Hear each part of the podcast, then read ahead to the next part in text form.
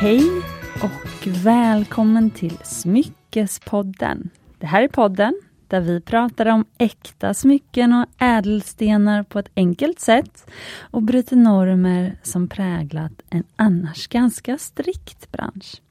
Och varmt välkommen till dagens gäst som är helt ny för er poddlyssnare, i alla fall i lurarna. Hon har aldrig varit med i en podd innan, men ni kanske har hört henne på radio. Vi får se. Varmt välkommen Natasha Gaudi. Hej hej. Jättekul att du är här. Vad roligt att vara här. Ja. Berätt... Podd. Ja, precis. Eh, hur känns det? Kul, spännande. Ja. Mm. Berätta, vad var det för radioprogram du var med i? Eh, var radioprogrammet Stil, men eh, det är ganska länge sedan. Men eh, man hittade det nog i, i eh, Sveriges Radios arkiv, tror jag säkert. Och vad pratade du om då? Eh, pärlor, de hade ett helt avsnitt om pärlor rent historiskt sett. Och eh, liksom lite betydelsen och lite idén med det hela. För att jag, eh, vi, vi småpratade lite nu innan vi satte på mickarna och då sa jag, eh, ja men det är så typiskt att så fort man pratar om smycken i ett modesammanhang så pratar man ofta pärlor. När det gäller äkta smycken. Mm, Eh, och varför är det så? Du hade ju en ganska bra förklaring på det. Nej, men jag tror att det är, så här, eh, det är ett tidlöst material som har funnits väldigt, väldigt länge historiskt. är väldigt, alltså ur ett historiskt perspektiv, väldigt intressant. Ehm, och ehm, det blir inte det är inte liksom så riktat till någon specifik stil eller tidsperiod utan man har ju använt pärlor till en början som betalningsmedel och sen så har det blivit en väldigt viktig liksom maktmarkör.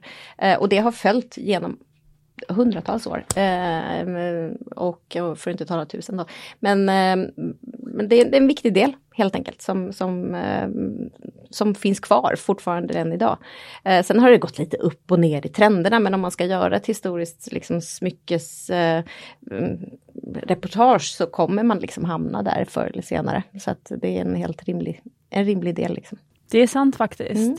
Och eh, det var någon som ruskade lite på sig här. Det var inte jag eller Natasha utan det var lilla Charlie, Natashas hund. Japp, Och vi får se om hon kommer låta lite det, eh, under poddinspelningen. never Men, know. Nej, precis. Men då vet ni poddlyssnare att vi har ett litet fyrbent sällskap här. Och eh, Natasha har tagit med sig helt underbara smycken eh, från eh, Gaudi, sitt smyckesvarumärke. Eh, och jag tänkte att för er eh, poddlyssnare så ska vi först nu bara eh, eh, låta Natasha berätta om Gaudi och hur det hela startade.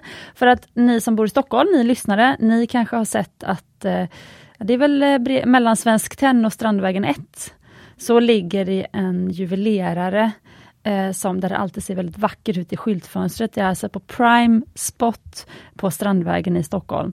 Eh, och där huserar då Natasha.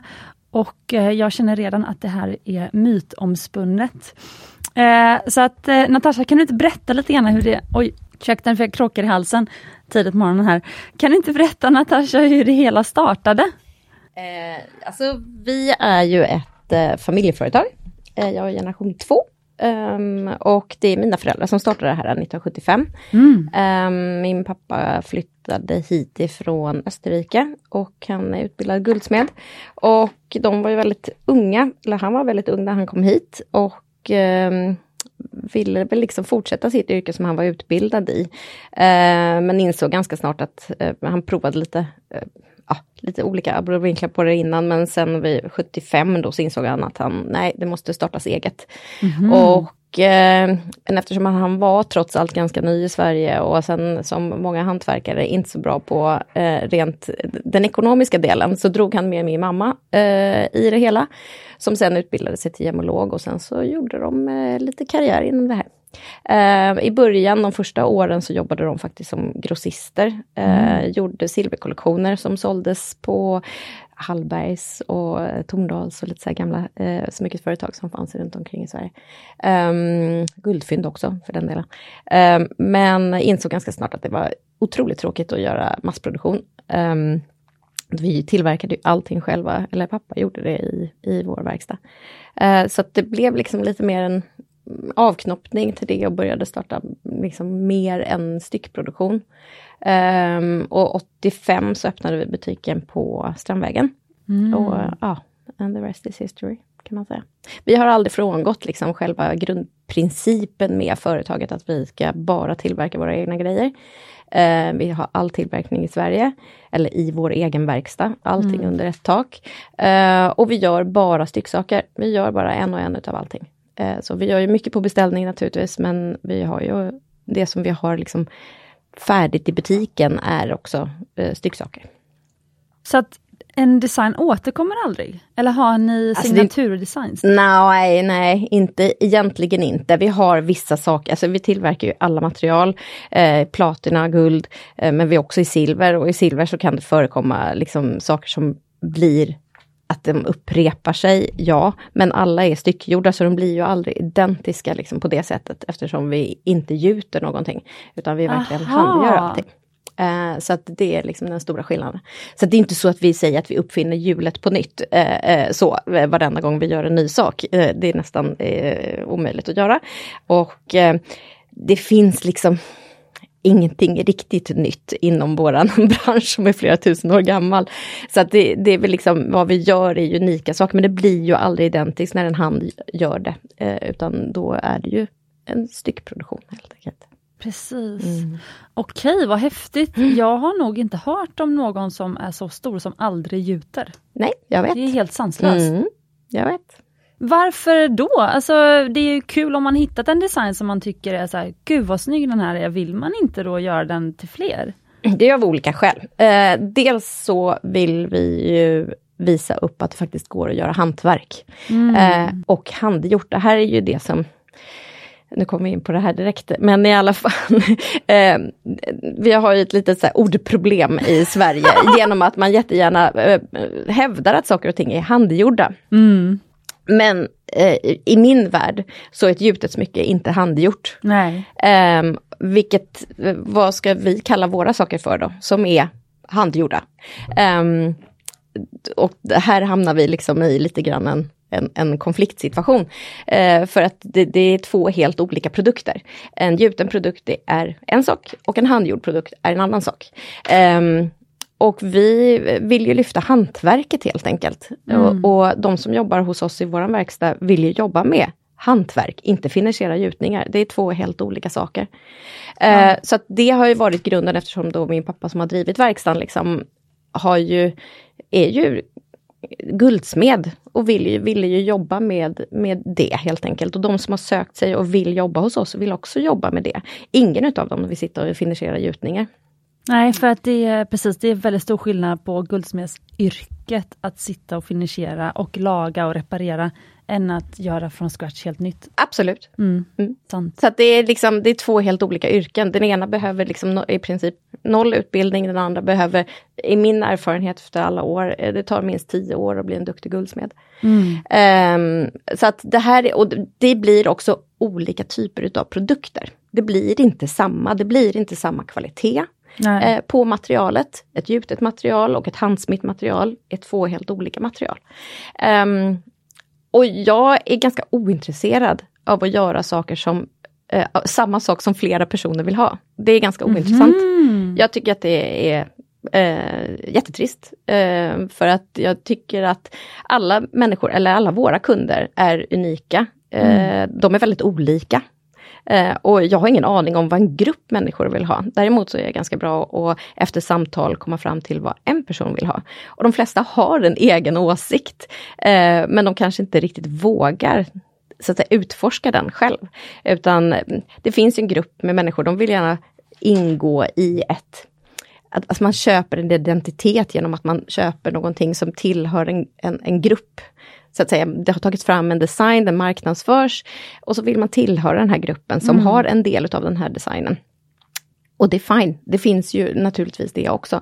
Men vi gör inte det, utan jag vill ju ta fram någonting som en person har, eh, som man är ensam om helt enkelt. Det är ju väldigt häftigt och jag gillar, du har verkligen hittat din USP, alltså din, engelskans unique ja. selling point, men alltså din eh, talang då? Ja, ja jo, det kan man säga. Eh, mm. eller utvecklat ja, den talangen? Ja, absolut. Och det här är ju egentligen därifrån som eh, juvelerarbranschen eller smyckesbranschen härstammar ifrån. Det här jobbade man med, har man jobbat i alla tider, det här med att massproducera. Det är ju nytt. Det är ju nytt sedan det här århundradet. Liksom. Eh, eller nej, 1900-talet. Liksom, så så att eh, det är inte, man, man har aldrig gjort massproduktion innan på det sättet. Det är inte det att man inte har gjutit, det har man gjort i alla tider också. Men eh, man, den stora delen har varit hantverk eh, som har byggt på styckproduktion. Men har du någon signatur som gör att man ser att det ändå är ett Gaudí-smycke? Väldigt många säger ju att de känner igen när det är vår så att säga, design eller vår tillverkning. Mm. Eh, jag tror att det syns på kvaliteten. Det syns på hur det är gjort. Eh, det finns ingenting som gör... Jag tycker det är jättekul att jobba med färg. Eh, det, är, det är jätteroligt. Eh, men det betyder inte att vi inte gör alltså en klassisk alliansring med diamanter, liksom, det, det, gör vi också. Men jag tror att de flesta ser det på hur det är byggt, hur det är gjort, hur det är tillverkat. Så brukar de, alltså, så säger mina kunder i alla fall. De kan berätta att de kan sitta på en middag och så säger de, åh är det där ett Gaudismycke. Liksom.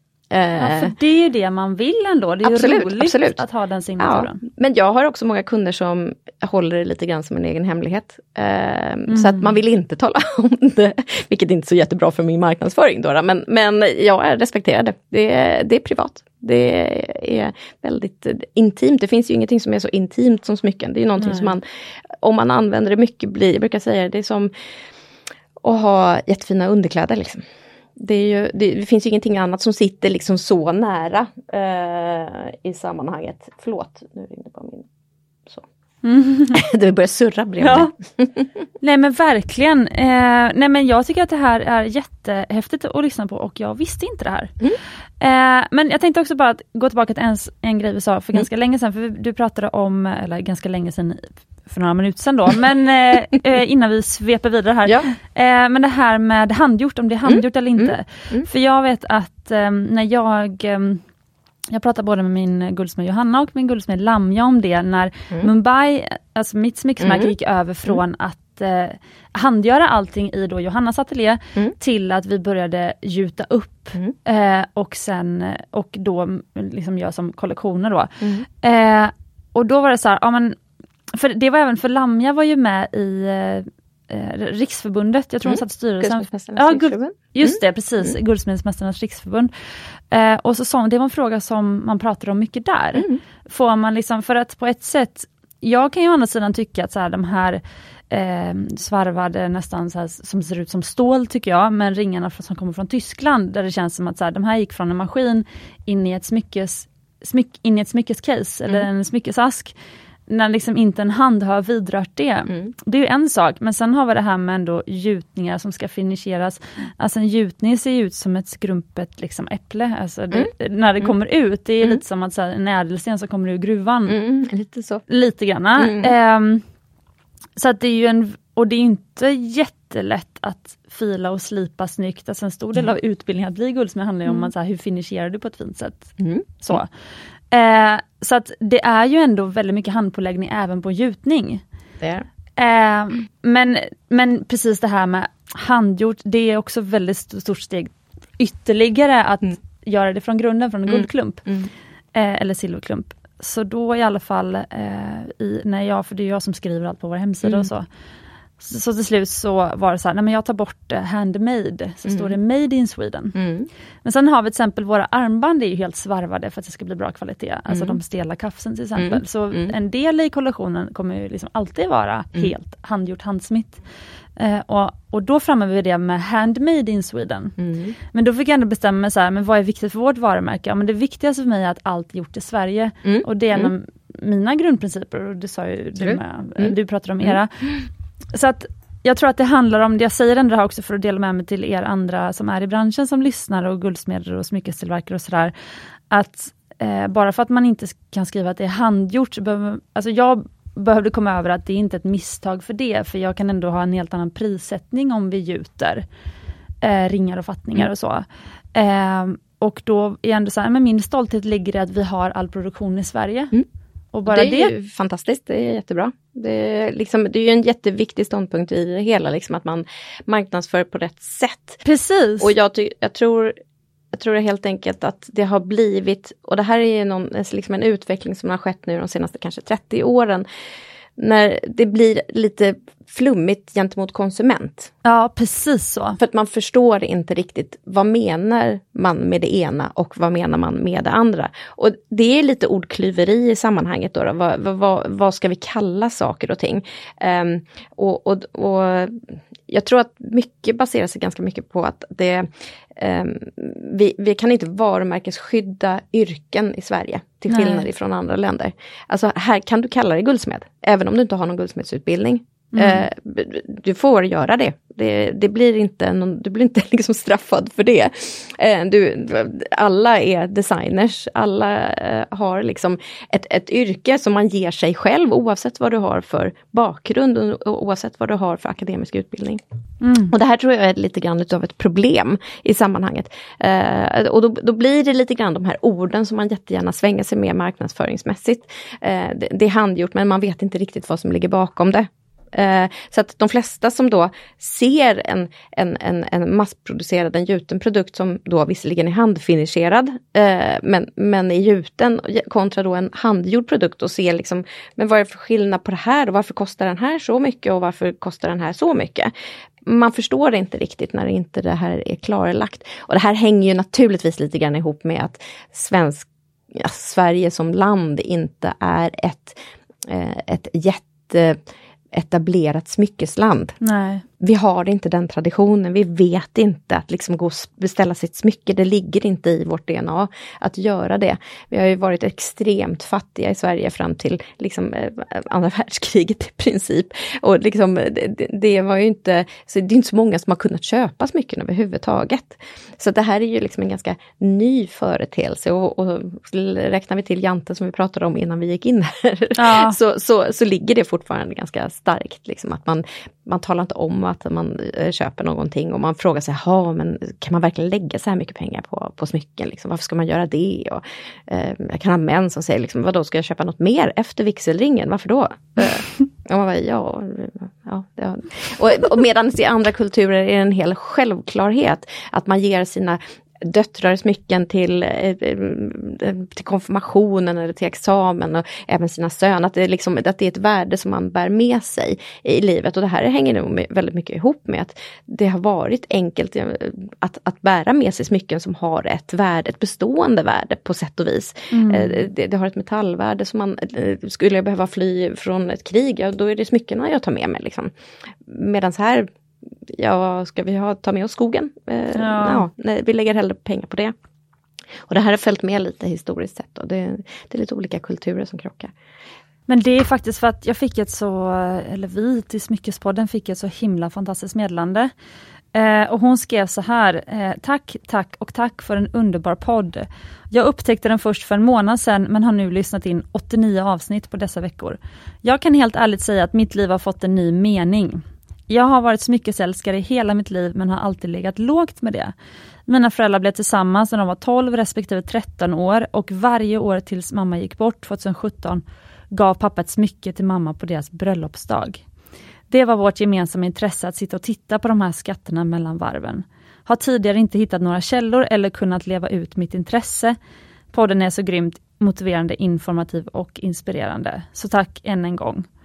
Och så skrev hon lite till. Men alltså det kanske är lite talande för mm, det du just sa. Absolut, det är, det är väl lite så som jag känner att det är. Det är liksom, man, man är så nyfiken på någonting men så vågar man liksom inte riktigt eh, ta till det här. Nu är ju som sagt det har hänt otroligt mycket de senaste 20-30 åren för att man, vi reser mycket, vi, eh, vi ser att det här med smycken jag har en, en, större betydande del i andra kulturer. Vi tar oss åt oss det. Vi känner helt plötsligt att okej, okay, när jag sitter på ett möte här, då sitter min kollega och hon har jättekola örhängen men jag har ingenting på mig.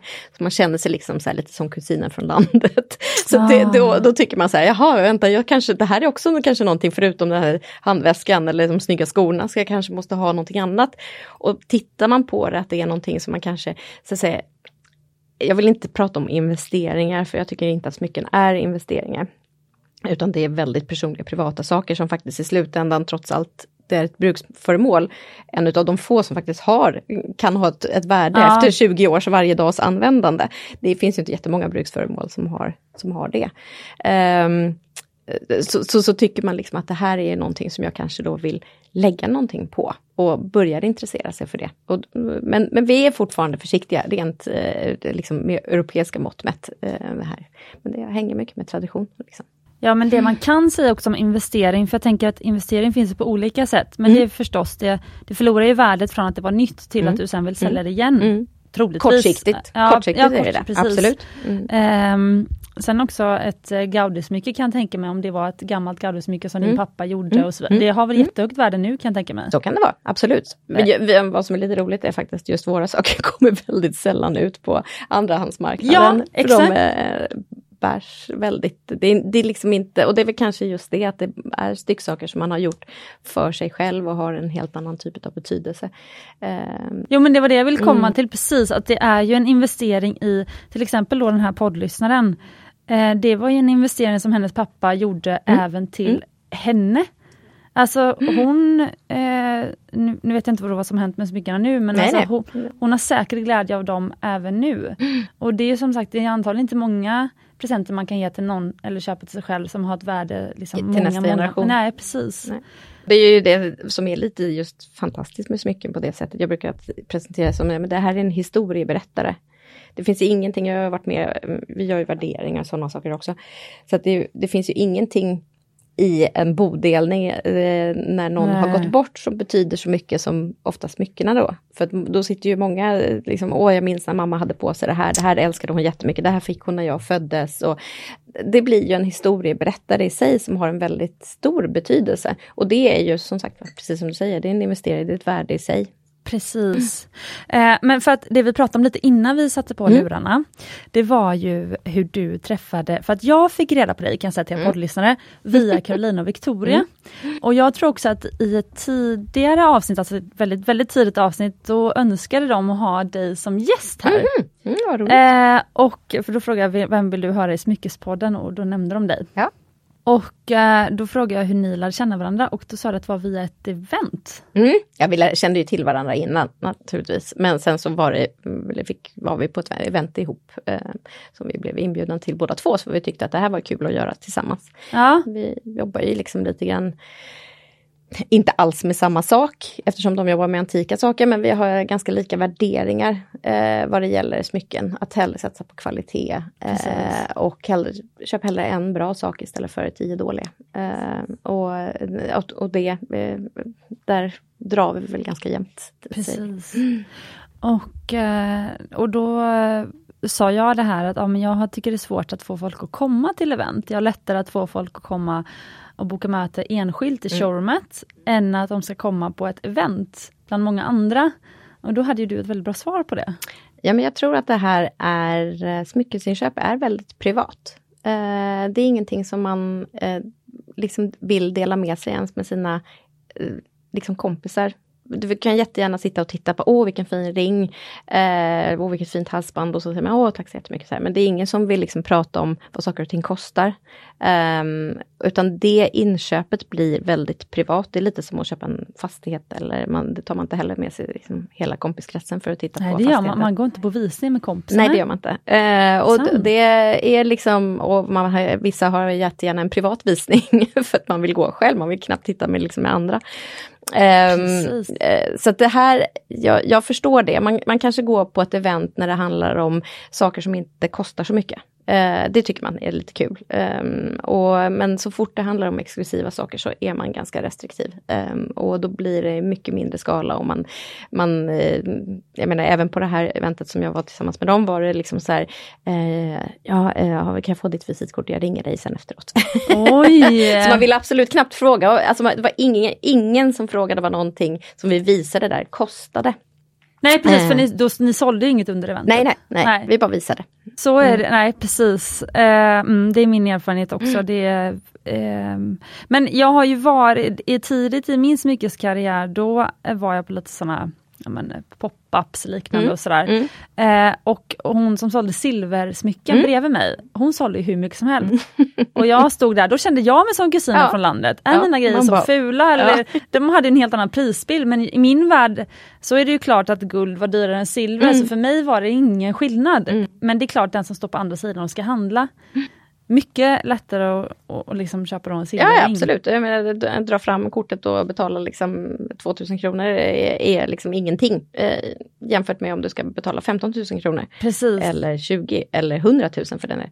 Liksom det, det är ju det, det, det är väldigt privat och eh, min erfarenhet är ju att, eh, som jag sa tidigare till dig också, det är liksom att folk vill inte prata budget. Eh, väldigt ogärna. Um, och det är någonting som jag alltid måste locka ut nya kunder, liksom, vad de har tänkt sig. Uh, och det var folk väldigt restriktiva av att ge en budget också, vilket är lite roligt. Ja för du sa en rolig du sa mm. eh, många sa att de inte har en budget. Ja. Och då frågade jag, vad säger du då? Nej det skiter jag i, då frågar jag ändå. ja, ja visst. Nej men det är, alla människor har en budget. Det, det är liksom, sen vill man inte kanske outa den, eh, för att, för, eller hos mig eh, i början, om jag inte liksom pressar på och förklarar riktigt varför. Um, och det är för att de tror och det här handlar ju då om nya kunder, där är de är kund hos mig så förstår de ju liksom tanken med det. Mm. Men, men nya kunder, att de tror att det ska lite grann begränsa mitt engagemang eh, om de talar om en budget. Och då vill de ha liksom hela spektrumet, de vill jättegärna liksom eh, visa mig allt. Alltså, det är helt omöjligt liksom att visa allt, för då, kan, då kommer vi aldrig fram till ett resultat i slutändan om inte jag vet vad jag ska, vad jag ska jobba med för budget. Um, och det, det är ingen skillnad för min del om man talar om uh, sin budget. Uh, för att det är engagemanget är ju lika stort ändå. Uh, men då vet man ju bara vad, vad, vilket material kan vi jobba med. Det, det, ibland så kan man inte jobba med hela spektrumet av material om man har en viss budget helt enkelt. Men jag känner en butikschef som gärna anställer eh, butikssäljare som har jobbat på NK. Mm. För att på, då har de gått igenom NKs säljkurs. Mm. Och en del i den säljkursen är att visa alltid kunden det dyraste alternativet först. Okay. Det kallas väl för förankring, eh, mm. tror jag, i marknadsföringsspråk. Eh, eller något liknande. Eh, och sen så visar man, och så berättar man alla då förstås, oj nu slog jag till mitt anteckningsblock.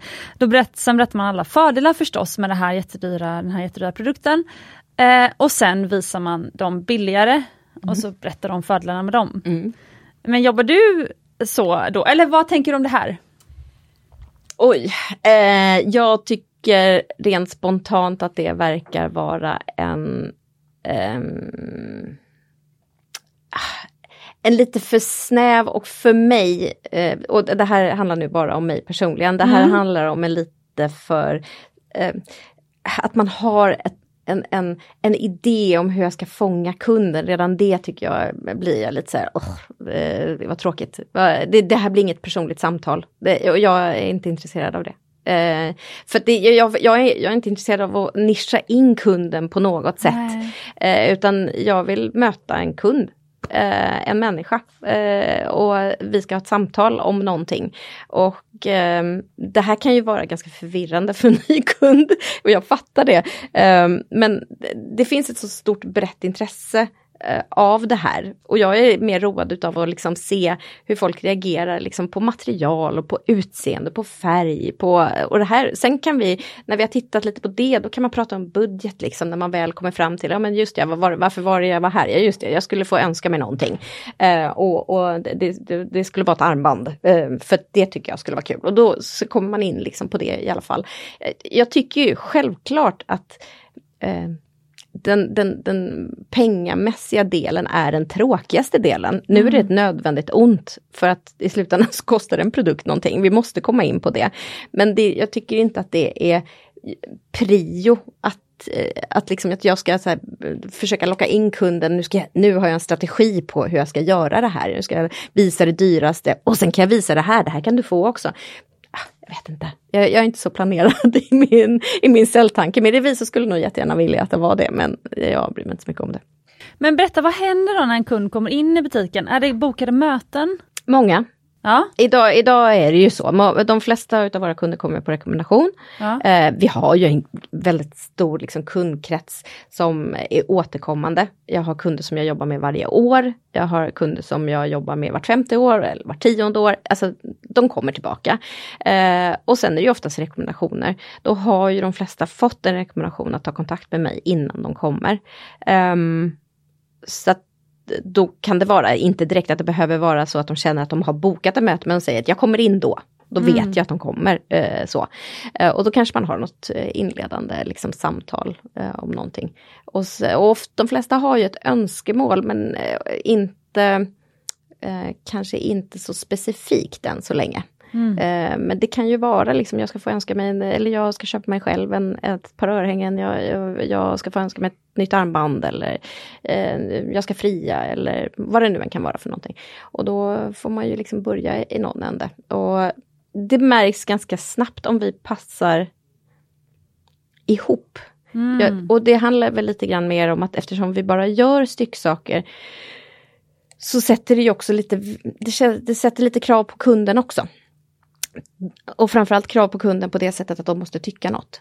Eh, och det, det är väl mitt krav på dem. Eh, och jag, eh, jag har ingen åsikt om vad de tycker, bara de tycker något. Men det här är också jätte, jättesvårt för att väldigt många är ganska präglade här på att någon annan ska tala om för dem vad de ska ha. Att det finns en marknadsföring som ligger i bakgrunden till, till, alltså till deras åsikt. Att någon annan ska tala om för dem, liksom, det här är det vad som är inne just nu, det här är det som, eh, som vi har valt att promota liksom, till vad som är vad du ska ha. Och det, det kan många känna sig väldigt bekväma i och tycka liksom så här, åh gud vad skönt, någon annan tycker någonting. Mm. Eh, Medan jag ställer frågor som de kan bli lite ställda över liksom för att ska, de ska tycka någonting. Sen tycker jag naturligtvis åt dem också. Men jag vill att, jag vill inte ehm, jag vill inte vara den som handlar smycket åt personen, utan personen måste känna sig bekväm med det vad de handlar. Jätteintressant det här. Eh, och jag tänkte ställa en följdfråga på det här sen lite grann hur du gör för att skapa den här härliga stämningen. Men först så vill jag eh, bara ge en reflektion för att jag lyssnar på en, jag har lyssnat många, många år på en norsk podcast. Mm. Som heter Träningspodden, eller Träningspodden. Träningspodden. Ja. eh, men de är väldigt härliga, de pratar om Mm. mycket annat än träning och det, det känns som att man har så följt den när man lyssnar på en Mm. podd länge. Så. Eh, säkert fem år. Eh, men då är det en tjej där som eh, nu har tagit hjälp hon säger det lite grann på slutet på varje avsnitt, så säger de bara, ja, men, eh, då kanske de pratar om något, något helt annat som är inte relaterat till träning, som vad som händer i livet eller så. Och hon har ju faktiskt tagit hjälp nu av en inredare hemma. Eh, för att hon känner så här, men hon har ett litet barn, typ tre år, treåring, och sen så har hon en man och så är det hon. Eh, och så känner hon så här, men nu har vi levt i vårt hus så länge och vi, alltså det är någonting som gör att vi inte riktigt trivs liksom in, hemma. Men jag är inte så duktig på inredning och jag känner bara att så här, hon driver eget företag och hon hinner inte riktigt. Alltså, Hon vet inte hur hon ska göra det härligare hemma. Hon vet inte vad som är fel och så. Och hennes man uppenbarligen inte heller. Men så har de också den här lilla sonen och de vill väl att han ska, de ska ha det mysigt hemma. Mm. Så sa hon så, men nu har jag faktiskt tagit hjälp av en inredare. Och så hade inredaren varit där och hon hade kunnat skicka lite bilder och så typ från Pinterest. Så här, den här typen av miljö gillar jag Mm. till inredaren då. Men hon har ingen aning om hur hon ska få till det själv. Och då hade inredaren sen bara föreslagit typ en grej att de skulle istället för gråa väggar i vardagsrummet så bara kör ljusa. Så hade Mm. de ju nu hunnit, för hon håller på nu då så får man höra lite varje avsnitt. Nu hade de- hunnit måla ljusa väggar i alla fall. Mm. Och hon var så här, herregud vilken skillnad, nu känner jag mig glad när jag kommer hem, alltså det, det händer någonting Mm. i min energi. Så att så här, eh, så det jag vill komma till på det här att du vill få folk att tycka om smycken. Mm. Alltså de kanske är som henne, alltså i inredning. Alltså hur ska man veta vad man gillar? Exakt. Och det är för, jag förstår det. Det är liksom är, och det, det här, det här, det är ju ett samspel. Det är inte så att jag ska få dem att göra sin egen design. Det Ja. gör jag ju inte. Eh, utan det är liksom, det vi, men vi gör det tillsammans. Så då blir det liksom så här att men om jag håller fram två saker, och det här är också ganska roligt, liksom, då, då vill jag jättegärna så här, men vilket gillar du bäst av de här? Om vi ska börja någonstans, eh, så kanske vi har pratat om någon ring. eh, Så, så jag tar fram det här och så tar jag fram det här. Och så bara, vilket av de här skulle du liksom så här spontant bara välja? Ah, och då kan, som- mm. då kan de, då, då blir det så här, vissa då som är helt nya, kanske inte då känner mig, tror att jag ska bli förolämpad om de inte tycker om någonting. Åh, de Och är så liksom, artiga. ja, så jätteartiga. alltså, jag struntar du får jättegärna säga att den här är ful. Det, jag, det spelar ingen roll. Och, och då bara, ja okej, ja, men, ja men då skulle jag välja den här. Ja men då är vi, titta nu har vi tagit ett steg liksom åt rätt riktning liksom. För någonstans tycker man någonting. Alltså det Ja, är ju så här, precis så. eh, det, och det är ju samma sak som den här gjorde, måla ljusa väggar då. då. Eh, Och då, de gjorde ju det. Ja, precis. Ja, och då tyckte de ju att det här var bra. Så Ja. det här, det är ju lite samma sak. Jag, jag stoppar, jag, jag liksom slänger du ut ett föreslår. bete, jag Ja. föreslår. Men där måste jag ju ändå få en reaktion. Jag måste ju få ett, liksom ett samtycke. Vi ska ju ha ett samtycke i det här köpet. Jag, jag vill inte liksom eh, ta det här, nu, nu ska du handla det här. Nej men vet du vad jag hör också? För du bjuder ju till själv. Mm. För lite grann sådana som hänger på Instagram och så har de noll posts själva. Mm. Det är väl fine, men det är också lite roligt att man så här gillar att kolla vad andra gör men Mm. inte vill det. Sådär. Jag tycker att du har varit då generös med att du faktiskt har vågat för. Du Mm. har ju vågat faktiskt kategorisera kunden eh, alltså i ditt huvud och så här, jag, för, jag tänker att det här borde passa. Mm. Så att du har ju också dragit ditt strå till stacken för det tror jag att många säljare inte Absolut. vågar. Nej, de vågar ju oftast inte säga det och sen så kan de inte men det här är ju också lite grann som när man kommer till en butik och helt plötsligt så känner man en säljare att de säger så här, men gud vad det här är snyggt på dig. Och man bara, "Mm, va? Eh, Okej, jag känner mig som en fågelskrämma. Liksom. Det här är inte alls min liksom, stil så. Och, och det, de kanske tycker det på riktigt då, men, Ja. men det blir väldigt jobbigt sen när man testar och att allting är snyggt. Ja, Att du bara mm. håller med. Mm. Och det blir inte bra. Det blir liksom Nej. inte så här, utan jag vill ju jättegärna att kunden tar sig tid och liksom, "Ja, men vi provar, vi hänger på så ser vi vad som händer liksom. Och så bara, nej men det där funkade inte alls liksom. Det här måste vi plocka bort, det här är inte alls din grej. Eh, och, och sen så kan ju kunden själv bli för, förvånad, gud det här hade jag aldrig satt på mig, men fasen det här var ju jättesnyggt, men titta var vi hamnade. Så det är en process, både för mig som inte känner kunden till en början, Mm. och för kunden som inte heller känner mig. Så att det, vi ska ju lära känna varandra på vägen och se var, var man landar. Och de som verkligen är intresserade utav det här och komma fram till vad är det jag vill ha. Eh, det är ju kunden som vill komma till mig. Eh, och, och det är det som jag är intresserad av helt enkelt. De som vill köpa ett färdigt koncept, vilket är fine. Det, det är liksom, det fin- men det finns det också. Det, det vad jag känner, det finns inte jättemycket av det som vi håller på med. Och det är väl kanske då också för att man inte riktigt orkar med det. Vilket jag förstår. Nej men, nej men jag älskar det här, men jag måste då eh, ställa den här frågan, för hur gör du för att skapa den här eh, härliga stämningen som, där folk vågar börja tycka och tänka själva? Ja, men jag tror... ehm, det är inte så att jag kör över folk liksom från första början, men jag är nog ganska ärlig med mina intentioner. Mm. Eh, så. Jag är ganska öppen och ärlig och säger, ja, men jag, jag kommer att säga vad jag tycker. Och jag Mm. kommer ställa frågor som kanske känns eh, intima. Men Mm. det är ju från person till person, alla är ju så, så eh, olika. Så det Mm. vill- man, man får ju lära känna varandra. Liksom. Och vissa passar vi inte ihop. Det, Mm. så, det, där måste man ju vara ärlig också så att man känner oh, det här vi kommer inte komma någon vart. Liksom. Och vi kanske känner det båda två så det kommer vara så här tack och hej, det här var Ja, ett trevligt möte. Liksom. Mm. Men vi kommer inte komma eh, till ett, en, en slutpunkt i att det blir en affär. Och det är Nej. fine. Det, det, man kan liksom inte frälsa alla. Eh, och det är inte meningen heller utan jag vill ju liksom, de som tycker att vi gör ett jättebra jobb och blir jättenöjda med vår produkt, eh, eller den produkten som man har bestämt sig för att man vill köpa i slutändan. Ehm, det är ju, då har vi en relation. Då, då är det Mm. bra. Ehm, men men det, det, det krävs lite arbete och omtanke helt enkelt. Mm. Och lära känna varandra. Det, det, det är en lite längre väg än att köpa bara en färdig produkt, Mm. en färdig design. Mm. Jätteintressant. Mm. Jag tänkte, för nu, eh, nej men, eh, vi har gott om tid, men jag känner ändå att eh, vi, vi har ju inte pratat någonting om själva smyckena. Nej, Väldigt intressant samtal. Jag Mm. känner att du är verkligen bra poddmaterial. oh, tack. Ja, nej men det Mm. här, du är väldigt ehm, eh, Alltså du vågar ju tycka och tänka, Mm. vilket är väldigt häftigt. Vi har aldrig träffats innan. Nej.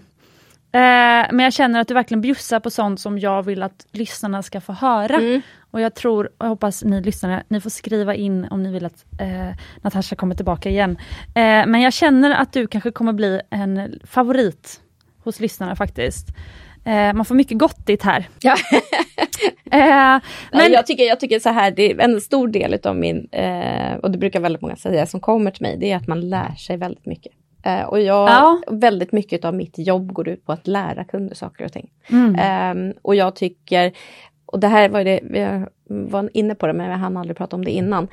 Eh, jag tycker att vår bransch har varit lite för hyschig Mm. eh, under väldigt lång tid. Mm. Ehm, man har byggt upp liksom, jag har haft kollegor som faktiskt har sagt till mig rakt ut, äh, jättebra, ju mindre kunden vet desto bättre. Ja, Då jag behöver- vet. Då, då, då ställer de inte så mycket frågor. Och man bara, alltså det, det dummaste jag har hört. Mm. Jag fattar, ju mer kunden vet, desto mer intresserad blir den.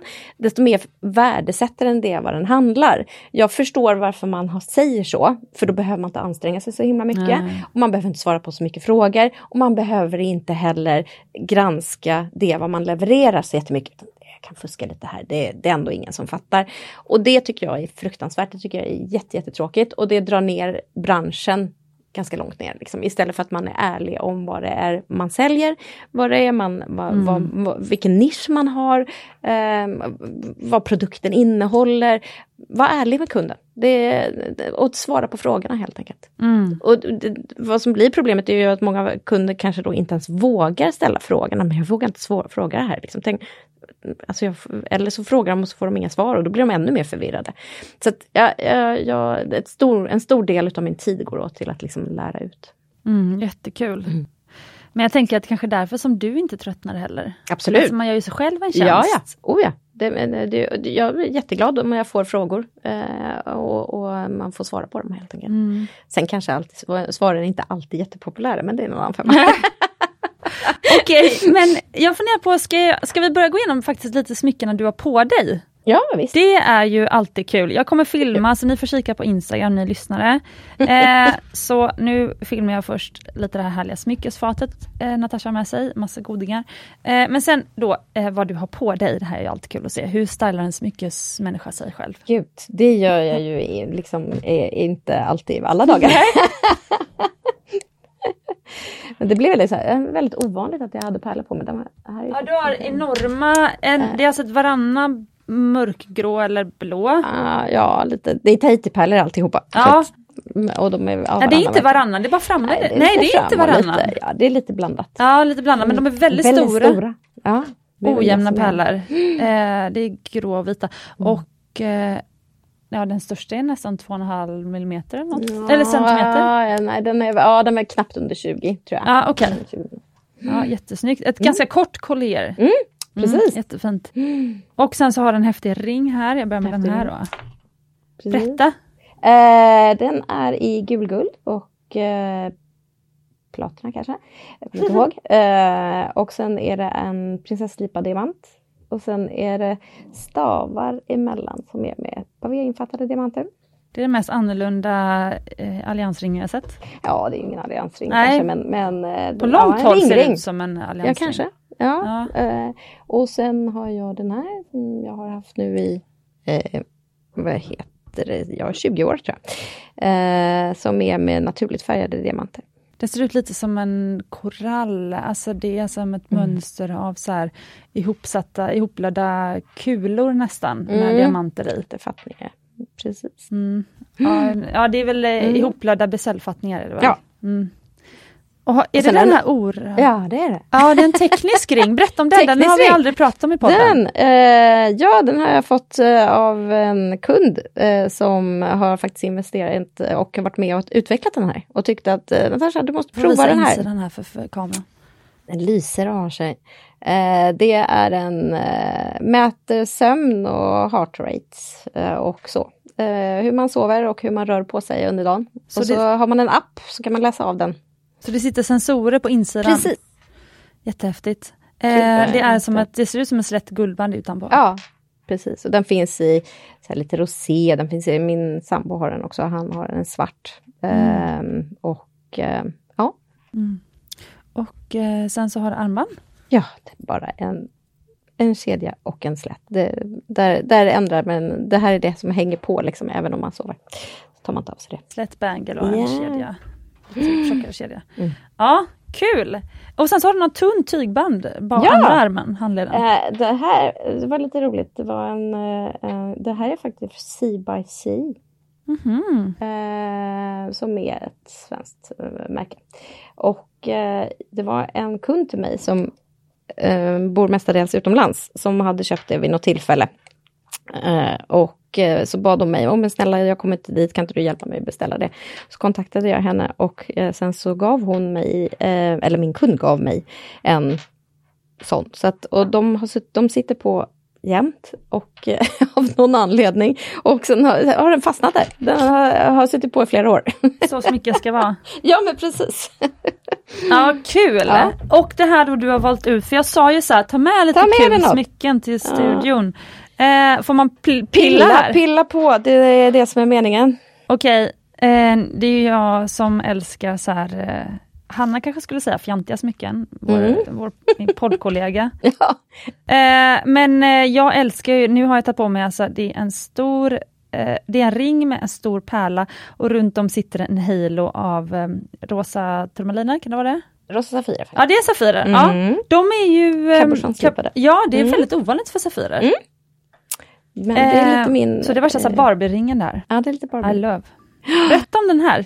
Eh, ja, men det är en rosa eh, sötvattenspärla eh, i och eh, ja, precis som du sa, en halo med, med rosa safirer runt omkring. Den är liksom lite så här, eh, det här är ju lite också våran grej. Jag tycker om att göra olika saker av olika stilar. Um, och när man kommer till oss i butiken så vill jag ju, vårt, vårt lager som också bara är stycksaker, är ju en alltså dels färdiga produkter som man naturligtvis kan köpa. Men eh, sen är det också en idébank för vad man kan göra. Exakt. Så att, allt som vi har i lager är ju till för att liksom titta, visa, känna, prova, eh, se olika färger för att man ska kunna förstå vad, om jag vill göra någonting, hur skulle jag kunna liksom, hur ser det ut ungefär? Eh, och då vill jag ju kunna visa, liksom, och då vill jag ofta dra ut lite grann. Det behöver liksom inte vara så här eh, så stort, det behöver inte vara så här litet, eh, men, men att man ska kunna liksom få lite idéer med det. Men jag är aldrig, jag känner mig aldrig så här att jag, nu måste jag se till att jag säljer de här grejerna. Jag blir, ibland blir jag lite ledsen när jag säljer saker. Ja. Hur, ofta beställer, eh, hur ofta behåller du något själv? Eh, inte jätteofta. Ja, de grejerna som jag har, de uh, har jag. Och det är lite som bagarens barn, liksom. det är aldrig någon som har tid att göra någonting till mig. Så det, man, får liksom inte, man får äta dagsgamla bullar. Ja, precis. uh, men, men det är ju liksom, jag gillar ju att dra ut lite på, liksom på bågen och, och göra lite större, lite, lite mer helt enkelt. Ja, ja jag känner faktiskt det, för mm. man blir glad när man tar på sig de här, nu tar jag på mig ringarna då. Mm. För allt är väldigt stort men det är ändå väldigt feminint, mm. vilket jag gillar då. Mm. Eh, eller allt är inte jättefeminint men det jag tog på mig var, var ju förstås det, för det är det jag dras till. Mm. Eh, och det, nu har jag på mig en sån här blomformad ring, alltså det är en ring med två stora blommor där blombladen är, okej nu kanske jag, nu gissar jag på Safira då. Nej. Va? diamanter? Färgade diamanter? Ja. Oh, wow! Gud vad kul! Mm. Okej det är alltså eh, typ senapsgula, lila, rosa, grå, väldigt svagt färg, så pastelldiamanter. Mm. Eh, och eh, den täcker ju typ hela mitt undre ringfinger. Mm. vi är ju lite försiktiga i Sverige vad det gäller ja. Eh, smycken, så att, eh, jag tycker att vi ska inte vara det. Men eh, Samt alltså, ja. Kan du se en, jag får fråga, kan du se en eh, inte en trend men alltså ett samband mellan ålder slash hur länge man varit intresserad av smycken ja. och hur mycket man vågar gå utanför boxen. Ja. Oh ja. Det är ju eh, vår kundkrets ja, är väl från 30-35 upp till 75. Mm. Eh, och jag ser det ganska tydligt att ju äldre man blir desto mer så bara, äh, nu skiter jag nu är jag så trött på det här tunna lilla och händerna ser inte likadana ut och, och då blir man liksom så här, då vill man ju ha lite större. Exakt. Eh, så att det, det, det, ser jag absolut ett samband till. Sen kan jag ju se ganska tydligt trenden, vi hade ju en ganska stark trend på, eh, på 90-talet, eh, om man nu ska bara gå lite snabbt till. Och jag har inte tagit med någonting så här vigselringsmässigt för jag tycker inte att den, den Nej, delen är så jätteroligt. Nej, det var bra eh, Och eh, där, där, där kom det ju ut en, en period som man liksom hade lite större liksom vigselringar och det var liksom ändå en, en trend. Mm. Den har ju gått tillbaka till att bli liksom väldigt, väldigt liten igen, men den hänger också jätte jättemycket ihop den här lilla trenden, eh, tunna tunna, tunn tunn tunna, Ja. handlar ju jättemycket om att det helt enkelt guldpriset är så dyrt. Jo. Så ska man göra ett, eh, eh, liksom, ska man göra en kollektion med eh, smycken eh, och vill använda guld så blir det ju eh, naturligtvis en helt annan summa pengar. Eh, både ut till kund och för en själv också. Så att, att det har blivit en trend utav litet hänger nog jättemycket ihop med det, enligt min åsikt. Ja, men vet du vad jag också kan känna för att nu har jag själv jag hållit på med tunna ringar i sju år. Mm. Och så, är jag så här, nu vill jag själv göra liksom dome rings och till och med så här Bombay, du vet så här jättestora ringar. Mm. Eh, och sen så hade jag en kompis som, ja, en vanlig tjej, inte Mm, särskilt, eh, hon är modintresserad men inte någon särskilt Mm. liksom åt något Mm. håll så. Och så ville hon eh, liksom då prova lite av mina ringar. Och eh, då var, och då var jag så här, ah, men den här är ju så fin, så här, här är en av våra nya, så här, tog jag fram en Mm. liten så här dome ring. Mm. Och hon bara, mm, men var är de här tunna ringarna? Alltså, Ja, ja, det hänger kvar. Ja, men jag Ja. bara kände så här, shit, men liksom det är nu det börjar, Mm. om vi ska få upp det här smyckesintresset och Mm. äkta smyckesintresset och Mm. kunskapen och så kring. Jag tror ändå att de här tunnare smyckena insteget för yngre slash alltså de som också är yngre i sitt smyckesintresse. Absolut, oh ja. Det som är, har varit lite förvånande för mig är ju faktiskt att den yngre generationen är ganska konservativ. Ja, ah, de vill ha uh, pavé Ja, men det är alliansringar liksom- ja, från men- Bianca Ingrosso. ja, till exempel. Nej, men att det överhuvudtaget, formspråket är inte så, är liksom inte så är det inte wild and crazy, utan det är liksom om de skulle fråga sina föräldrar så var det här, gud det här var det som de ratade från sin, liksom det var den här Ah. lilla karmoseringen och det var den lilla enstensringen och det var liksom det här, alltså det har kommit, och det som deras föräldrar typ var bara snark, eh, gud vad tråkigt, det här har vi liksom sett i eh, hur länge som helst. Så att, och det tycker jag är lite underhållande, men, men den, det säger ganska mycket också om den nya, alltså, nya generationen, alltså de som är någonstans mellan 20 och 30 är ganska konservativa både i sina åsikter och eh, i, eh, liksom, i sin stil. Eh, Mm. Så det är lite, lite, det är lite spännande. Eh, Medan deras föräldrar går lite bananas eh, och tycker liksom att nej för fan vad tråkigt. Ja, nu, vill jag ha något, nu vill jag ha något coolt, jag vill sticka ut nu, jag orkar inte vara Men då liksom kan så de snäll ge, längre. ge Exakt, sina... ja men de gör de ju också. Precis, ja, perfekt. Ja, ja. Eh, Så det är lite roligt. Men ehm, det första jag ville säga var det här med, eh, apropå föräldrar, alltså, Mm. har det varit svårt för din kundgrupp att vänja sig vid dig istället för dina föräldrar? Eh, nej, jag har jobbat tillsammans med mina föräldrar så himla länge. Ja, så att du har det var ju liksom, med, liksom. Ja, Ja, jag har mm. jobbat i 30 år. Ja, Så ja. Mm. det, jag har varit med ett tag. ja förstår. det, ett, eh, det var, det var i, i början så var det väl kanske Fast jag är ju uppvuxen med firman, alltså, vet, jag, var, jag, jag har varit mer i verkstaden än vad jag har varit hemma. Men det var ganska liksom. sömlöst låter det som då. Ja, så Ja. att det, det, lite, det har bara glidit in eh, på det sättet. Eh, och sen är det ju mm, jag och mamma då, som eh, har alltid varit med kunderna. Mhm. Och min pappa har ju i princip aldrig varit med kunderna. Så Ah, på det okej. sättet, liksom, han har alltid varit i hand om verkstaden. Och sen, För om du skulle plocka ut några smycken här nu Mm. då, ur den här lådan. Mm. Eh, nu filmar jag en till ring här då. Den, jag har, det är alltså en brun diamant gissar jag. Mm. Ja, den ser ut som en klassisk mörk coffee. mm. Lite så här Mm, gul toner i. Eller vad Mm. kallar du den här färgen? Eh, Ja men jag skulle väl säga att Eller den konjak. är ja, men lite åt konjakhållet faktiskt. Den är ju en väldigt så här, varm eh, brun ton. Eh, väldigt mycket av brun, det som de för många kallar för brun coffee, går ju oftast lite åt det här gråstinget. Ja. Har det här gråbruna i sig, vilket den här inte har. Alltså mer åt, och, eh, så den här är ju en mycket varmare eh, brun än, än det. Och den är hjärtslipad. Och du har fått till, du har alltså gjort, lyckats göra en design på hjärtslipning, alltså skapa en ring till det som var väldigt häftig. Mm. Själva hjärtat ligger alltså, alltså det här stora diamanthjärtat, det måste vara en, ö, en och en halv karat eller vad är den? Eh, den väger över två. Oj oj oj! Ja, Mm. en, eh, dålig, jag har aldrig använt hjärtslipad. Mm. Eh, men den ligger, på en, den ligger upphöjd på en bädd av, ser ut som ljusrosa stenar. Ja, Mm.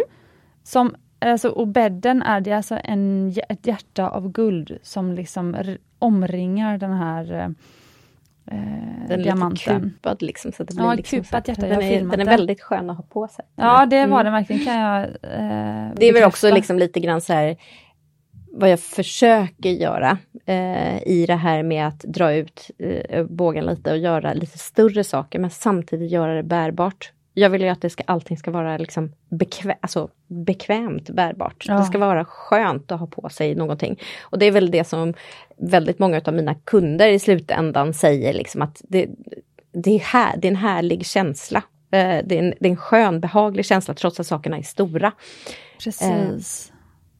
Um, och det är ju, den här bädden är då pavénfattad ska jag säga. Precis, med rosa eh. Så det ser ut som en, eh, mm. bara en eh, gat, gatsten, gatstensbelagd yta med diamant. Mm. Eh, men jag måste fråga, för om du skräddarsyr allting, alltså mm. risken med det är ju att alltså, allt blir ju inte superbra när man gör, när, eller man, när jag skräddarsyr. Alltså om jag... Varför blir det inte det? nej men det kan, i och för sig är det oftast, alltså för, eller så här, det, det, tar ju väldigt lång tid att skräddarsy. Mm. Så det blir sällan lönsamt. Eh, och sen, så, sen är jag ju mycket, mycket yngre i min karriär, eller vad ska jag mm. säga. Alltså jag har ju hållit på, inte 30 år, jag har ju mm. hållit på i bara 8 år. Mm. Eh, men alltså jag känner, det, jag Nej, men det är väl därför det aldrig blir lönsamt, för att jag, det är väldigt många vänder tycker mm. jag. Mm. I, i både är... huvudet och ateljén Absolut. innan det blir bra. Men det är därför vi är bra, för vi bara gör det. Ja precis. Det, och det, det, blir liksom, mm, det är det precis, som är skillnaden. Ja, vi, vi gör ju bara det här. Så att vi, ja. våran process är liksom, det är ju det, det här med lönsamheten, det, vi måste ju räkna in det. Vi måste ja. ju räkna in det eftersom det är många turer. Det är många möten, vi har liksom ja, modeller, vi tar fram sten. Ja absolut. Så att det här är, och jag, tills det att vi verkligen börjar eh, så måste jag vara säker på att vi är på rätt väg. Um, sen måste det ju under arbetets gång så kommer kanske kunden in två, tre gånger också. Det här, Exakt. Vi måste jämföra här med att uh, du går till Lars Wallin och beställer en klänning. Ja, vilket jag inte har gjort någon gång. Nej, men, men, det var en liksom spännande liksom liknelse. Ja. ja. och då gör man ju liksom en skiss, sen gör man en toal, sen ska det ja, man liksom provas. Prova, och det liksom, ja. Så det här är ju processen som vi jobbar med med smycken också. Så det, det, det, och det måste, och det förstår jag att man om man inte jobbar med det här, om du jobbar med kollektion, det är två helt olika nischer. Du jobbar med att ta fram prototyper så och sen kör, kör du kollektionen. Om du där sen ska gå emellan och göra någonting som är styckgjort, då blir det liksom så här, oh vänta nu måste vi ju tänka liksom på ett helt annat sätt. Eh, och då förstår jag, då blir det ju liksom inte, för du kan ta betalt samma som du nej, har från kollektion, nej, nej. för du har bara tagit fram liksom en mall och sen så kör du ju produktionen liksom på det. Ja, där, så ja. det, det, blir ett, ett helt annat sätt att räkna på. Precis, men jag måste säga för jag älskar att göra one of a kind, för det är lite som känslan av att så här, anmäla sig till ett lopp och träna inför det och så vidare. Mm, mm. Alltså känslan efteråt är det bästa som finns mm. och jag höjer ju min egen designnivå mm. under processens mm. gång. Så jag förstår ju då att om du så att säga enbart utsätter dig för att skräddarsy, då är ju din nivå, på ett sätt så kan jag tycka så här, klart som tusan du måste designa en kollektion. Den kommer ju bli bra. Om du har så mycket erfarenhet av att skräddarsy. Jag, alltså, jag har varit inne i den processen flera gånger under hela min karriär. Ja. Eh, och tackat nej till den varje gång. Eh, ja, ja. Och, okay. och, och, det är mm, så att säga enbart för att jag personligen själv är ointresserad av den. Ja, jag, nej, och, det, jag, och jag, vet, jag, är, jag är med stor beundran de som gör kollektioner och gör det bra. Absolut, vi, vi, men vi är två olika nischer. Och jag, mm. jag har ingen aning om vad en grupp människor vill ha. Jag, är, absolut, jag, jag vet jag har ingen, ingen aning alls. Jag vet inte. Och, och, och, som sagt eftersom jag inte är intresserad av att ta reda på vad en grupp människor vill ha, nej, så blir mm. det liksom så här, nej men vänta nu, det här ska inte jag hålla på med, det finns andra som är bättre på det här. Däremot så är jag mm. väldigt bra på det här. Eh, och det här är ju liksom, det har varit en jättelång utveckling för mig själv personligen att ta reda på det här. För att det så har varit så många som har liksom slitit och dragit till mig. Men det är klart att du ska göra en kollektion. Du är ju super, det här är ju skithäftiga grejer, jättekul. Okej, okay, ja, Nej men jag förstår, mm, det är otroligt intressant att höra det här. Verkligen. Eh, men då tycker jag vi ska göra så här. Jag tycker att du ska få välja ut några tre smycken här som du vill framhäva. Mm. Filma lite så pratar vi lite om dem. Mm. Och sen tänkte jag att vi ska avsluta med att du får ge tre tips till den som känner som du, som verkligen så här, även till mig då, mm. eh, för jag vill också bli bättre. Eh, tre tips till den som, som nu sitter här och lyssnar och känner så här, jag vill eh, verkligen, jag vill göra som eh, Natasha och kunna guida mina kunder till de som bästa skräddarsydda smyckena. Mm. Eh, och jag tänker att även den som eh, själv vill köpa ett skräddarsytt Mm. smycke kan ju ta del av de tipsen då. Absolut. Men vad tycker du om det? Sen tror Mm. jag att tiden kommer vara ute. det tror jag också. Ja, då kör vi så. Ja. Eh, men då får du välja ut tre smycken här då. Eh, Ja, vad vill vi framhäva? Det här tycker jag är kul, bara för att det är liksom lite så. Och så eh, Ja, nu får du berätta, nu får du, nu får du tänka att vi är en Mm. podd, så du måste beskriva hur det ser ut. Eh, ja, men det här är ett armband. Ehm, Jag kan Ja. beskriva också. det, det är ett armband. Eh, vi tycker det är kul som sagt jobba med lite olika material. Eh, det här är rödguld. Eh, det är en länk. Så man kan är, höra, ja, man kan, jag, jag, Ja. så, kan ni höra hur länken är. Eh, Till skillnad från många lite större armband brukar oftast vara ihåliga. Vi jobbar ju massivt för jag tycker att det är en härligare känsla. Det är alltså cirkulära ugglor som är Mm. ihopsatta. Mm. Väldigt stora, eh, de är säkert 2,5 millimeter i diameter. Eller något sånt där. Mm, mm. Eh, Ja, och det när är du säger att de är massiva, då menar du att det är inga rör? Nej, precis. För ofta när man gör större eh, armband så brukar det vara ihåligt. Det låter på ett specie- eh, speciellt sätt, oftast när man Mm. tar på den. Det, det blir liksom rassligt medan det här blir ett rassligt på ett mer massivt sätt. Eh, och sen blir det ju naturligtvis mycket mer material också, så det är ju, eh, blir ju tungt. Sen är det ett inbyggt lås som du ser där, som har Mm. dubbelsäkring. Som jag inte Eh, förstår hur man ska öppna. Jo, jag drar, drar den åt andra hållet. Jaha, titta, okej, smart. Jaha, Eh, vilken bra säkring. Ehm, och sen har den en mittlänk då av, som är svart och det är ett keramiskt material. Mm. Ehm, och som är jättetåligt. Och där ligger det liksom inklätt på insidan med små eh, diamanter. ehm, som ligger liksom på insidan av den svarta länken som blir liksom som en tjock mittlänk. Gud vad coolt. Eh, ja, nu har jag filmat här och det passar ju väldigt bra till min skinnjacka. Ja men väldigt, det är lite rock'n'roll över det hela. Mm. Ehm, Guld, svart och diamanter. ja. Mm, väldigt snyggt. Eh, och varför valde du att lägga fram det här? För att du... Eh, jag tycker det är snyggt. Ja, ja. Godkänd anledning. Ja, och jag tycker att det är eh, roligt också just att visa att det här är eh, att en, en länk är handgjord. Um, um, det, liksom det här, bara det här låset som är inbyggt i en av länkarna tar ungefär eh, ja, en arbetsdag att göra. Um, Mm. och, så att det är, ja, det, det, det är lite speciellt och väldigt eh, användbart tycker jag också. Mm. Lite rock'n'roll men väldigt användbart. Eh, vad ska vi lyfta fram sen då? Ehm, jag tycker här har vi då, du tyckte jag om lite romantiska saker. Då tycker jag att vi ska lä- lyfta fram det här bara för att jag tycker att det är jätte, jättefint. Det här är i platina. Det är en collier. Superfint. Ehm, och ehm, det är blommor på den här uh, colliern. eh, som är rosenslipade safirer i olika färger. Och det är inget bakstycke så att man kan liksom, det ser ut som sån, ni vet, emaljering när det bara är en ram runt. Att man Ja. kan liksom se igenom blommorna, som så kyrkfönster. Exakt. Eh, och däremellan så sitter fattningar med rosenslipade diamanter. Oj, oj, oj. Men det här är ju ett smycke som jag skulle säga är understated. Alltså Ja. på långt håll, Ja. ingen förstår vad det här är värt. Nej. Och det är också lite kul. Det tycker jag. Jag gillar så här understatement så mycket. Att inte, man ska inte fatta Inte ens jag har sett det förrän du lyfte Nej, fram det nu. nej. Jag trodde det var liksom ihåliga, eh, alltså att det var vanliga ugglor. Men tänk Ja. att det är ett halsband, i varenda uggla sitter en diamant. Ja. Och det är ett långt halsband. Ja, den, ja, den sitter liksom så här. Det beror lite grann på var man stänger den någonstans. ja men det måste väl vara 40? Ja. Alltså det är ja, det är sånt- 45. Ja, Ja, den sitter nog här tror jag. Så jag hänger på med det här. Ja, det måste vara 45 för att den här kedjan är 60. Mm, ja. Ja, häftigt.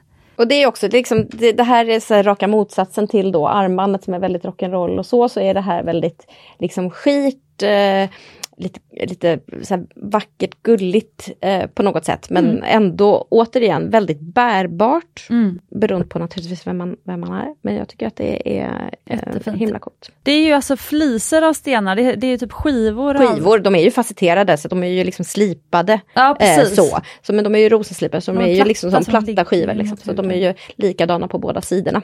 Mm, Men de är ojämna för de är ju inte alla likadana, de är ju Ja. inte runda. Liksom. I eh, USA tror jag man hade kallat det för diamond slices. Ja. Tror jag.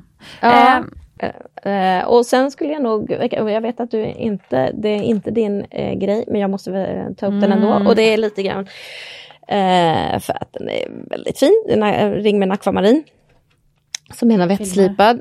Och sen är det då eh, prinsesslipade diamanter runt omkring i hela ringen som är specialslipade då i den här kanalfattningen som är ju lite så här high-end eh, eh, infattningstyp. Liksom. Ja, precis. För att jag pratade med Lena Karlsson i ett eh, poddavsnitt som vi inte har släppt än när, Ja. när du och jag sitter här. Men vi, vi kom, ja, jag vet inte vilket vi kommer släppa först.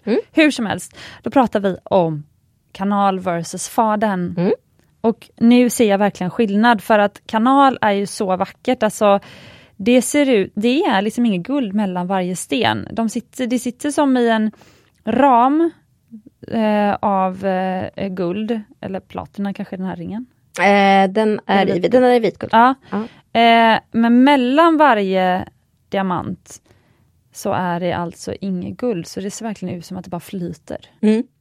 Och det är ju just när man ska, eh, så att säga, nu har vi följt formen exakt på den här navettslipade eh, akvamarinen. Och då måste man ju specialslipa varten, varenda sten så att de f- hamnar i rätt vinkel. Liksom. Eh, det här är helt enkelt ett, ett eh, mycket mer avancerat arbete. Eh, att fatta faden är supersimpelt eh, jämfört med att fatta kanal. Så att det, ehm, det är ett, ett, annat hantverk. Det är ju in, återigen, ska man välja någonting för, eh, för lite mer eh, större produktion så väljer man väldigt sällan kanalinfattning. Då. För det är, En sak om det sitter kanske rakt, inte jätte, jätte, jätte svårt men, men, men det är ändå mer avancerat än faden. Jag har aldrig använt någon av dem. Nej. Jag tycker eh, fadern är ju sådär, det kändes inte som något nytt i alla fall. När jag, alltså Nej, det kändes nej. som att jag alltid hade sett det. Så jag blev ju väldigt snabbt kär i kastellfattningen. Mm. Jag tyckte det var skitcoolt. Mm. Eh, men nu kan jag känna så här, eh, att jag har fått upp ögonen för en till en till typ av fattning. Och den här kanalen är ju så vacker alltså. Mm. Och den kan du göra både med prinsess, som i det här fallet med prinsesslipade diamanter, som har Mm. mer facetter. Du kan göra det med karéslipade diamanter som har lite färre facetter. Eller baguetter kan du göra också. Just det, och karré har också skarpa hörn, det är en fyrkantig Ja. men den Mm. har stegslipningen, eller trappslipning. Exakt. Mm, just det, Exakt. knistrar inte lika mycket. Nej. Blir liksom lite mer så glashuseffekt utav det hela liksom, medan prinsessan ger ju lite mer glitter. Då. Precis. Sen Ja. kan man göra kanalfattning med runda också. Eh, det blir en helt annan effekt utav det. Får jag fråga, Mm. sista frågan på det här nu då, men vilken sten märker du, vilken typ stennyans eller sådär märker du så här, det här typ gillar nästan alla? Oj. Ja, Jag har ju kommit fram till att min kundkrets inte är nästan alla. Nej. så det, det är otroligt svårt att säga Ja, när det gäller kul. mina. För det är, alltså det är som spridning. Jag har liksom, jag, jag vill ju visa upp allt möjligt. Eh, så att det finns liksom inte riktigt någonting som är så här, det här är det vad de flesta söker sig till. Utan jag tror att mina kunder kommer just till det att eh, jag får leta väldigt mycket efter det som är lite udda. Jag har alldeles nyss det ju- sålt en alexandrit, vilket är inte, hör inte till vanligheten. Ehm, och det, alltså jag får uppdrag att leta efter saker och ting som inte finns så mycket på marknaden helt Ja, enkelt. för, vad sa du, jag har aldrig fått sålt den, jag, eller jag har faktiskt fått sålt Jag den. har sålt en Ja, du har precis sålt en nyligen, en alexandrit. Ja. Ah, wow. Ja, men liksom, oj, jag har fått sålt blåa diamanter, jag var, liksom, alltså sådana här saker som ja, sånt som verkligen... många inte får sålt, jag Nej men som, Mm. så många kanske inte ens vet vad de ska leta efter någonstans. Eh, och då heller in, definitivt inte kommer föreslå till en kund och sen får inte de få frågorna heller för att kunderna fattar att det här, det här kommer man inte hitta det. Liksom. Gud vad kul, det är mångas dröm att kunna jobba som du gör, tror jag. Ja, eh, det, eh, fast jag vill lägga till att jag knappt vill rekommendera det. Nej, mycket det- sömnlösa nätter. Det förstår jag. Men roligt är det. Ja, jag förstår. Ja, gud vad Ja. kul. Men det är ju, det är ju sådana som har den passionen du har också som ska jobba med det. Ja. Eh, men okej, de här tre tipsen nu då, nu ska jag se hur mycket tid vi har kvar. Oj, oj, oj, nu har vi sex minuter här. Sex minuter. Ja, med tre, tips, men det hinner vi. Um, nu ska jag stänga av mitt larm som kommer gå om två minuter annars. Jo, och frågan var då, tre tips till den som eh, jobbar med guldsmide eller smyckesdesign och så vidare och gärna vill liksom lära känna kunden bättre på det viset som du gör för att kunna verkligen skräddarsy och få kunden att öppna sig. Alltså hur, hur gör man för att liksom få mer kreativitet i sitt liksom, eh, samtal med kunden? Jag vet inte om jag har tre eh, bra tips. Jag tror Nej, att det handlar väldigt mycket. De kommer lite spontant där. Eh, jag tror, ställ mycket frågor. Eh, Jättebra. är, ställ ställ frågor eh, och, och gärna liksom ta, försök ta reda på vad, vem kunden är. Eh, och vad, vad gör den? Hur lever den? Vad har den för passion? Vad, hur brukar de klä sig? Testa och hänga på någon eh, saker och ting som man inte, som framförallt som kunden kanske själv inte tror först skulle funka. Mm. Häng på dem, sätt på dem, ta Testa fram. och överraska testa. kunden. Ja, eh, det, det tror jag är jättebra. Sen tror jag också att ehm, begränsa inte eh, kunden liksom innan du har testat. Eh, Mm. Det vill säga också att du så att säga, Kategorisera inte för tidigt. nej, var inte för snabb eh, att, att kategorisera kunden liksom, eh, på grund av ja, men, någon sån här förutfattad mening. Liksom. Ehm, och eh, Jättebra, det är lite så här pretty woman-grejen. ja, Utgå Jag tror- från att... Eh, Precis. Jag tror att vi, och det är också en sån branschsak som eh, väldigt många har, som jag har fått höra, gud, men det här går inte att sälja i Sverige. Mm. bara, "Eh, varför då? Och om branschen redan tänker så, ehm, då kommer man definitivt inte sälja det. Nej. Men om du visar att du tror på en produkt, eh, eller på en sak, eller på en sten, eller på en form, testa. Mm. Det, det är liksom är... jag- det- Folk vill se nya, nya saker. Ehm, och det kanske inte funkar direkt, men det kanske funkar i längden. Mm. Och sen tror jag jättemycket på var ärlig. Ja, och lär dig räkna för 17 gubbar. Det, jag tycker att vi säljer oss alldeles för billigt. ja. Eh, var ärlig och lär dig räkna. Mm. Bra. Eh, nej men jag, ehm, jag håller med. Det här med prissättning det är ju ett, eh, ett helt eget avsnitt. Ja, där har jag mycket att lägga till. Ja, kul. Jag tycker att det, det där eh, beter vi oss, eh, eller eh, jag räknar mig själv in i det här, men vi ber för mycket om ursäkt för det vad vi håller på med. Och Precis. aktar inte det tillräckligt högt. Precis. Och det är, det, det är inte kundens problem, det är branschens problem. Ja, precis. Eh, bara en snabb reflektion på det är att, eller vad tänker du om min tanke här? Att jag tror att många, eftersom att många guldsmeder är egna, de Mm. flesta vill inte ha anställda, även stennyfattare är egna, de vill inte heller ha anställda. Mm. Eh, så man är egen, då Alltså det är mycket större utmaning för då kanske dig och mig att prissätta våran vara för att vi har ju ett större team som ska ha betalt under oss. Ja. Men det är mycket lättare att så strunta i det då. Mm. Om man är ensam guldsmed, för Ja. då behöver du inte ge lön till fler. Nej, Så, då kan- behöver du inte räkna nej, på samma sätt. Nej, nej. Men man förstör för hela branschen.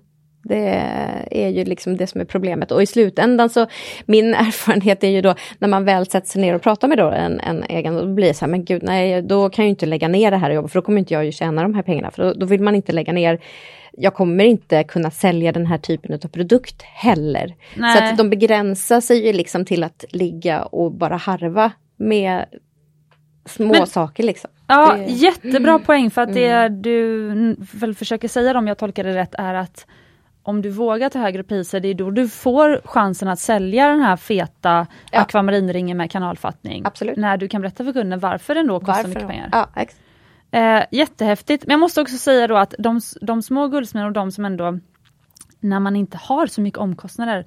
Att vara billig är ju ett steg att då kanske någon faktiskt kan köpa en ring från den guldsmeden hellre än att köpa fejkring Ja, oh ja. till exempel. Så att det är Såklart. ett, en insteg också i... Visst, visst är det så. Visst är det så. Det, jag menar, men man måste ju liksom, det är en balansgång. Eh, någonstans så måste man ju kunna ha en rimlighet. Vi, vi ser ju liksom problemet med att, eh, jag menar, jag tror att hela våran bransch är ganska eniga om att vi inte riktigt kan ta ut eh, löner som är ja, marknadsmässiga just det, det är väldigt låg, eh, Ja, låga löneyrke. absolut. Mm, sant. Ehm, så att det, och, det, och det är det är en eh, liksom liten kamp som vi inte riktigt eh, pratar om i branschen heller.